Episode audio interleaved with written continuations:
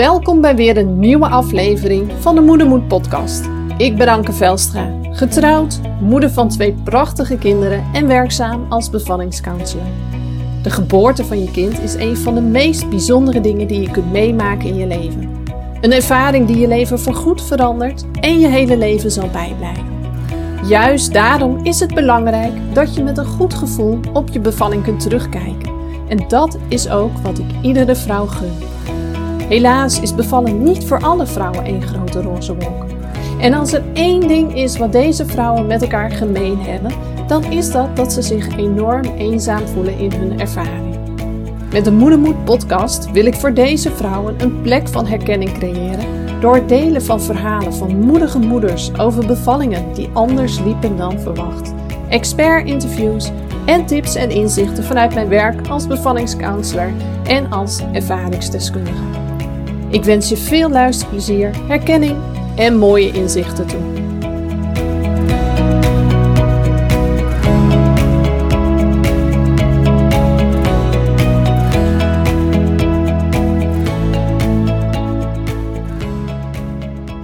Ja, daar ben ik weer. Weer een nieuwe aflevering van de Moedermoed podcast. Uh, week 4 van mijn challenge. Hartstikke leuk uh, om te doen. Uh, en terwijl ik bezig ben met deze podcast, bedenk ik me dat ik het raam heb openstaan. Dus die doe ik nog even dicht. Want uh, mijn kantoor, of praktijkruimte, hoe je het wilt noemen, zit ja, praktisch in de binnenstad. Dus er komt hier altijd het nodige verkeer langs. En met een raam open hoor je dat behoorlijk goed in de podcast. En dat zou ik zonde vinden. Um, ja, week 4, laatste week van de podcast challenge. Um, ik vond het wel echt super leuk om te doen. Ik weet nog niet uh, hoe ik hier, hierna hiermee verder ga. ik denk dat het me in ieder geval heeft geholpen om meer structuur aan te brengen en om het ook een prioriteit te maken. In plaats van, nou, ik heb het al zo druk, dus laat maar schieten, volgende keer beter. Dus ik denk dat ik het wel structureler ga inplannen in, in mijn, mijn weekplanning. En misschien één keer per week of zo. Ik, ik weet het nog niet. Daar ga ik mijn gedachten nog even over, over laten gaan. hey, um, dit is een beetje een andere podcast, denk ik, dan dat je van mij gewend bent. Um, maar ik, ik voelde wel heel sterk dat ik je, dit met je wilde delen. En ja, er zitten voor mij heel veel linken ook met mijn werk, maar ook uh, met zwangeren, uh, ja, met vrouwen, barenden hè, die aan, aan het bevallen zijn. Uh, dus ja, ik ga je gewoon meenemen en dan, eh, dan hoor je wel welke kant dit op gaat. Um, het is vandaag maandag, maandag 27 september, wanneer ik deze podcast opneem. En afgelopen weekend, 25 september, is de regel ingegaan dat je op verschillende plekken je coronapas moet laten zien als je naar binnen wilt. Onder andere in de horeca, maar ook theaters, bioscopen en dergelijke. En nou ja, daar, vind ik best wel wat van. Ik laat me eigenlijk heel weinig uit over het hele corona gebeuren in mijn, mijn social media uitingen, in mijn stories, in mijn podcast. Um, en dat doe ik ook heel bewust, um, omdat ik niet voel dat ik, dat ik anderen met mijn mening wil overtuigen van wat wel goed is en niet goed is.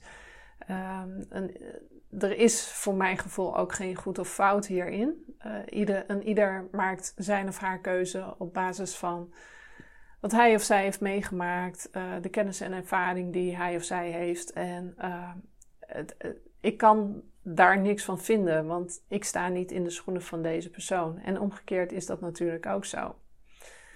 Um, maar wat er afgelopen weekend gebeurde, dat heeft me toch wel echt heel, heel diep geraakt. En uh, ja, daar, daar, wil ik, daar wil ik wat over delen.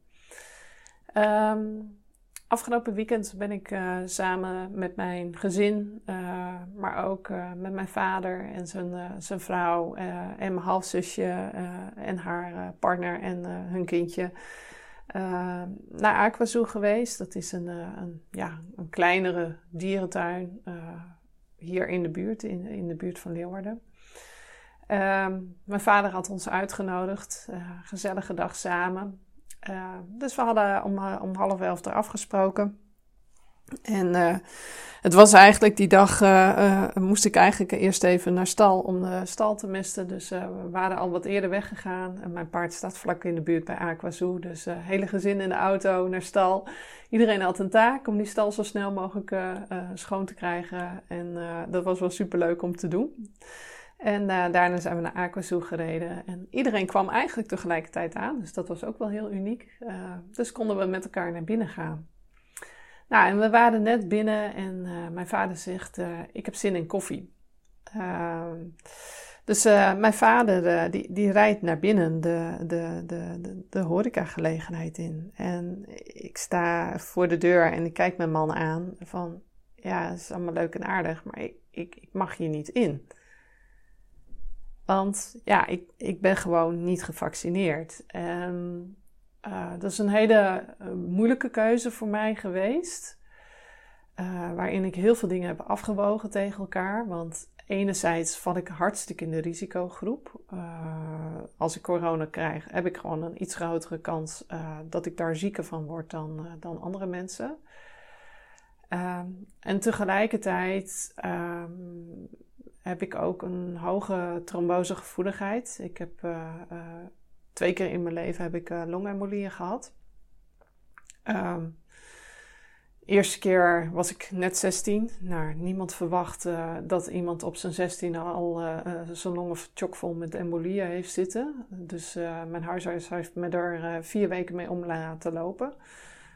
Ondanks alle klachten. En uiteindelijk ben ik toen opgenomen in het ziekenhuis. En nou, bleek dus het goed mis te zijn. Maar ja, toen was ik al dood en doodziek op dat moment. Dus nou ja, allemaal behandelingen gehad en zo. Een week opgenomen in het ziekenhuis. En toen destijds mocht ik helemaal niet bewegen. Moest ik stil liggen in bed eh, een week lang aan de antistolling. Gelukkig is dat tegenwoordig wel een beetje anders. Nou, en op basis daarvan uh, heb ik beide keren, zeg maar, na de geboorte van mijn kinderen, uh, zes weken lang antistolling moeten prikken. Uh, en ook tijdens, of tijdens of na de bevalling, of misschien zelfs al ervoor, ik weet het niet. Uh, maar na de geboorte van mijn jongste werd eigenlijk per toeval, omdat ik heel erg pijn had aan, aan mijn schouder, echt gigantisch pijn. En dat bleek later een, een, een, um, een bloedklont te zijn, een, uh, een stolsel zeg maar. Want ik had een nabloeding gehad in mijn buik dat tegen mijn ja, mild of zo heeft uh, aangedrukt. Uh, maar goed, ze hebben toen een CT-scan gemaakt om te kijken wat er aan de hand was. En toen ontdekten ze dus eigenlijk per toeval dat ik weer allemaal longembolieën had. Ondanks dat ik toen al preventief aan de antistolling zat. Ja, en om dat twee keer mee te moeten maken is gewoon best wel heel eng. En normaal gesproken is de regel ook van ja, heb je een tweede keer een trombose, dan zit je in principe je leven lang vast aan antistolling. Maar omdat ik nog zo jong ben uh, en uh, ik dan dus een hele lange tijd aan antistolling zou moeten zitten. Uh, en dat ook de nodige risico's met zich meebrengt, met name op interne bloedingen. Vond men dat ook wel een heel groot risico. Dus nou ja, ik ben een enorm bespreekgeval geweest. Ik ben in overleg, een overkoepelend overleg ingebracht tussen meerdere ziekenhuizen, zeg maar, van wat doen we met deze casus. En uiteindelijk is er besloten om te zeggen van ik, uh, ik hè, om te stoppen met de antistolling. En dat vond ik eigenlijk wel heel eng. Uh, want zeker de tweede keer heb ik eigenlijk niet in de gaten gehad dat het zo was. Um, de eerste keer is het compleet onderschat. Dus ik, ik vond het eigenlijk best wel heel spannend. En aan de andere kant was ik ook wel blij, want ik heb als hobby uh, de paardensport. Um, en ik heb, uh, nou ja, ze is inmiddels ietsje ouder, maar uh, nog niet heel voorspelbaar dier, zeg maar, onder het zadel. Dus de kans dat ik er een keer afval is aanwezig. Ehm, en dan met de antistolling gaf me dat ook een heel onzeker gevoel. Dus op zich sta ik wel achter deze keus en heb ik daar inmiddels ook wel, uh, wel rust in gevonden. Ja, en toen kwam corona om de, hoek. En corona, het, ziektebeeld zelf, uh, veroorzaakt bij veel mensen uh, trombose. Ehm, en ja, toen op een gegeven moment de vaccinaties kwamen, toen hoorde je natuurlijk ook bij veel vaccinaties toch wel trombosekans. En ik vind dat, uh, ik merk dat ik dat heel eng en heel spannend vind. Uh, dus ik heb mijn situatie ook besproken met de longarts. Uh, ik heb ook gevraagd van, hè, wat, wat, is dit veilig voor mij? Uh, kan ik dit nemen? Ehm, en eigenlijk heb ik geen bevredigend antwoord gekregen. Want dat kan ze niet zeggen. En dat snap ik ook wel. Um, ik heb nog gevraagd van mag ik dan rondom die vaccinatie dan eventueel uit voorzorg antistolling gebruiken. Nou, dat, dat was ook allemaal niet mogelijk. Dus ik voelde me best wel klem zitten. Um, ik heb twee vriendinnen die, uh, die artsen zijn en ik heb met hen hier ook over gesproken. En beide kunnen ze wel invoelen in mijn situatie waarom ik deze vaccinatie nu op dit moment niet neem. En dus ik heb er heel bewust voor gekozen om het niet te doen. En waarom niet? Ehm, als ik een vaccinatie neem, is dat voor mij, uh, de bijwerkingen geven voor mij de nodige risico's. Ehm, maar een vaccinatie voorkomt voor mij ook niet dat ik het krijg. Ik zou het alsnog kunnen krijgen, hopelijk met minder symptomen, maar zelfs dat is niet, uh, niet een garantie. En ik kan het nog steeds doorgeven. Um, hè, want dat kreeg ik toch ook wel te horen. Voor je werk, uh, hè, uh, je gaat veel met zwangeren om. Zij hebben hogere risico's. Uh, zou je jezelf niet beschermen zodat je hen ook beschermt? Maar misschien ben ik juist wel een groter risico als ik het wel neem. Want stel dat ik, het, dat ik het heb, dat ik positief ben, maar amper klachten heb en me niet laat testen, dan heb ik het zonder te weten. En ik kan het wel doorgeven. Dus dan kan ik nog maar beter wat klachten hebben en wat ziek van zijn. Want dan weet ik zeker, dit is het. En dan, dan sluit ik me ook af als dat je doorgaat met je leven. Uh, zonder eigenlijk te merken dat je het hebt en dat je het doorgeeft. Um, dus daar heeft het ook geen enkel nut voor. Dus het is dan een afweging die je maakt van wat is voor mij goed in deze situatie zoals het er nu voor ligt, uh, op basis van de kennis die ik nu heb? Want ik heb me terdege wel ingelezen in uh, alle informatie die er is. Um, zonder me uh, een bepaalde richting op te laten duwen. Um, en voor mij is dit nu de beste keuze op dit moment. En misschien als ik het krijg, dat ik er dan wel anders over denk. Maar goed, dan heb ik waarschijnlijk ook meer informatie en heb ik ook een andere ervaring die ik nu nog niet heb. Dus dat zijn dingen die allemaal meespelen. En um, dit is een, een, keuze voor mij. Alle mensen in mijn omgeving zijn wel gevaccineerd, mijn familie, uh, veel van mijn vrienden ook. Um, en het vormt geen enkel probleem uh, dat, ik, dat ik dat niet ben. Omdat mensen wel kunnen invoelen, ook al staan ze niet in mijn schoenen, van ja, hey, hoe, hoe zal ik het zeggen? Ik ben geen wappie, om het zo maar te zeggen. Uh, ik ben ook geen complotdenker.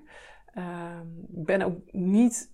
Ik, ik vind het vreselijk om te zien de, de, de tweedeling die uh, ontstaat. Uh, ook op social media onder, onder berichten die worden geplaatst. De voorstanders en de tegenstanders. Weet je, daar, daar wil ik me helemaal niet in mengen. Ik, ik, ik, ik hoef niet mijn keuze of mijn mening te verdedigen. Ik hoef niet dat wat voor mij is een ander op te leggen. Dit is van mij en ehm, daar heb ik het mee te doen. Nou ja, goed, om weer terug te gaan naar ons uitje. Ehm, iedereen was gevaccineerd behalve ik. Dus iedereen die ging naar binnen en ik keek mijn man aan. Nou ja, er stond geen controle, dus iedereen had zoiets van: joh, uh, geen controle, loop maar mooi mee naar binnen. Maar dat eerste moment dat je voelde van: ik mag hier niet zijn, ik ben hier niet welkom, dat, dat, oh joh, dat, dat kroop onder mijn huid. Ik merk gewoon nu dat ik het erover heb, dat het me weer raakt. Het, het kroop zo onder mijn huid dat ik denk van, verdorie, dit is niet alleen van nu, maar dit is ook iets groters in, in mij. En als ik daar vanuit een systemisch perspectief naar kijk, is dat ook zo. Ik bedoel, veel van onze mensen uh, uh, hebben in onze familiesystemen toch oorlog zitten, onderdrukking zitten. Um, en dat is niet weg, zeg maar, ook al speelde dat zich niet af in onze generatie.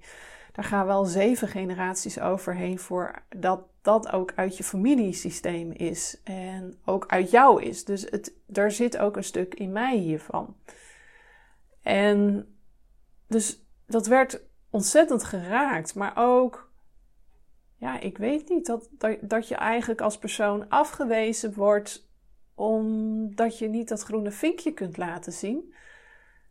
En dat mensen met een groen vinkje dus beter zijn dan mensen zonder groen vinkje. Ja, ik, ik, ik heb daar enorme, enorme moeite mee. Dus dat, dat raakte me enorm. Nou goed, ik ben uiteindelijk mee naar binnen gegaan, omdat de rest ging en eigenlijk dat voor mij ook verwachtte. Maar ik heb er heel naar gezeten. Ik was constant om me heen aan het kijken en toen zag ik weer personeelsleden binnenkomen. Toen dacht ik, oh jee, nu gaan ze zo meteen controleren. Ik voelde me gewoon bijna een misdadiger. Ehm, omdat ik daar binnen zat, terwijl ik dat niet mocht. En als het nou ergens aan bijdraagt, maar ik, ik, ik kan dit niet helemaal rijmen. Want zoals ik al eerder zei, mensen die gevaccineerd zijn, is geen garantie dat die mensen niet meer ziek worden. Uh, en ook geen garantie dat ze het niet meer doorgeven. Um, en die hoeven zich niet meer te laten testen, die mogen alles maar doen. Uh, uh, ja, het, het voelt voor mij meer als een, een, een perverse prikkel dat ze dit hebben ingezet om, om mensen richting een vaccinatie te bewegen, dan dat het zeg maar uh, echt helpend is om, om de pandemie te bestrijden.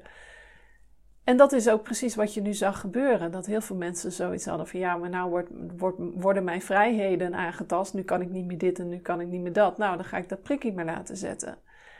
Um, maar er zijn ook nog wel meer mensen zoals ik in mijn situatie, die niet gelijk een, een, een wappie zijn of een aluhoedje op hebben. Uh, maar er zijn bijvoorbeeld ook mensen die één vaccinatie hebben gehad, een enorme allergische reactie hebben gehad. Um, en vervolgens niet de tweede inenting mochten hebben. Um, en die dus ook hun vinkje niet krijgen. Al die mensen die in dit soort situaties zitten, worden dus ook uitgesloten, buitengesloten. En dat raakt echt enorm.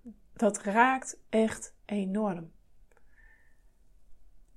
En op dat effect wordt gewoon te weinig over nagedacht en bij stilgestaan.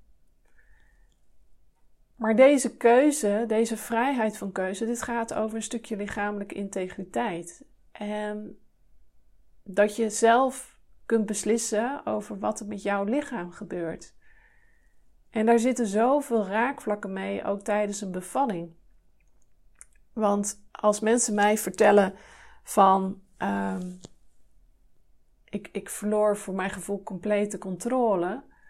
In veel gevallen verloren zij ook hun lichamelijke integriteit, de zeggenschap over hun eigen lichaam tijdens de bevalling. Veel handen aan hun lijf, gevraagd, maar heel vaak ook ongevraagd. Ongevraagde interventies. Aan iets moeten meewerken omdat anders een scenario geschetst wordt waar je niet blij van wordt. Er zijn zo ontzettend veel raakvlakken tussen deze beide dingen. En het is bizar om, om dat te moeten ervaren. Dat je een richting opgedeeld wordt. Bijvoorbeeld stel je bent de 41 weken voorbij. En je wilt heel graag afwachten. Omdat je gelooft dat jouw lichaam uh, uh, wat meer tijd nodig heeft. Om deze baby spontaan geboren te laten worden. En dat je vervolgens gewoon compleet richting een inleiding geduwd wordt. Dat de dode babykaart gespeeld wordt ja, dat, dat vind ik gewoon, gewoon bizar. Dus dat je eigenlijk op die manier de zeggenschap over je eigen lichaam uh, uh, verliest. Of uh, dat je bijvoorbeeld zwangerschapsdiabetes hebt, dat prima onder controle is. Uh, je voelt je goed, het gaat prima, maar toch wil men bij, ik noem maar wat, 38 weken gaan inleiden, want de kans op is groter. Ja, maar hoe, hoe groot is die kans dan? En hoe kun je nou voor jezelf een beslissing maken op de woorden: ja, maar de kans is groter? Daarvoor moet je je inlezen. Daarvoor is het belangrijk dat je weet wat de cijfers zijn. Hetzelfde wat ik eigenlijk ook heb gedaan voor, deze, voor de keuze om wel of niet te vaccineren. Dat had ik nodig, anders kon ik niet een weloverwogen af, uh, afweging daarin maken. En dat is met het hoofd geredeneerd, maar er is ook nog een gevoel hierover. Ook over de keuzes die je maakt. Je hebt, je hebt cijfers nodig om je hoofd uh, te helpen een keuze te maken, maar er is ook een onderbuikgevoel. Mijn intuïtie vertelt me heel sterk dat ik dit niet moet doen. En inmiddels heb ik wel geleerd om daarnaar te luisteren, maar mijn intuïtie heeft het de laatste jaren, als het aankomt op gezondheidsdingen, altijd bij het juiste eind. Als ik zeg, als ik heel duidelijk van binnen voel, hier klopt iets niet, um, dan is het ook eigenlijk altijd zo. Tegelijkertijd heb ik het tegenovergestelde ook ervaren. Um, twee jaar geleden ben ik uh, naar Amerika geweest voor een behandeling voor, uh, voor mijn niet aangeboren hersenletsel. En per toeval ontdekten ze daar twee knobbels op mijn schildklier. En uh, daar moest in Nederland verder naar gekeken worden. Nou, dat hebben ze keurig gedaan. En een paar maanden geleden bleken de knobbels in één keer gegroeid te zijn. Nou ja, dat geeft een bepaalde kans op kanker. Um, dus men wilde een punctie gaan doen om dat verder te gaan onderzoeken. En ik heb het meegewerkt en ik wilde ook, mijn hoofd wilde heel graag de bevestiging hebben. Maar intuïtief voelde ik al zo sterk van, joh, dat, dat is niks aan de hand. Ik heb geen kanker. En ik heb twee maanden moeten wachten op het onderzoek, uh, of op die punctie, zeg maar. Maar ik heb me geen moment hierover druk gemaakt. Ik had me ingelezen. Ik wist wat mijn, mijn, mijn kansen waren op kanker. Nou, die lagen volgens mij op tussen de 5 en de 15 procent. En maar ik voelde zo sterk van ja, maar dat heb ik niet. Echt niet. En dat bleek ook zo te zijn. Weet je, het was allemaal hartstikke goed. Ehm, en wat ben ik blij dat ik me intussen tijd daar niet heel druk over heb gemaakt. Ehm, dus eigenlijk zijn die twee dingen heel erg belangrijk. Het hoofd, de cijfers, de afwegingen, inlezen. Wat zegt de wetenschap hieronder over? En wat zegt mijn gevoel hierover? En dat gevoel is voor iedereen anders. Als je kans 1% is op dit, voelt voor jou misschien heel anders dan voor mij. En ik kan die, hè, ik krijg ook wel regelmatig de vraag van ja, maar wat zou jij doen als je in mijn schoenen zou staan? Maar ik sta niet in jouw schoenen. Ik heb niet diezelfde rugzak aan kennis en ervaringen die jij hebt. Dus ik kan die keuze niet voor jou maken. En op basis van wat er in mijn rugzak zit, zal ik misschien een hele andere keuze maken dan dat jij zou doen. Maar beide keuzes zijn oké. En het is niet aan mij om daarover te oordelen. Nou ja, goed. Het was een leuk uitje, maar het gevoel is de hele dag bij me geweest. En ik vind dat erg. Ik zou dat heel erg vinden als, als dit is waar onze samenleving naartoe gaat. Want als dat op dit gebied gebeurt, dan staat de deur natuurlijk ook open dat dit op andere gebieden gaat gebeuren. Dat je in meerdere gevallen de, de zeggenschap over je eigen lijf gaat verliezen. En dat we dat kennelijk dus ook helemaal oké vinden. Nou, gewoon iets ter, uh, ter overdenking.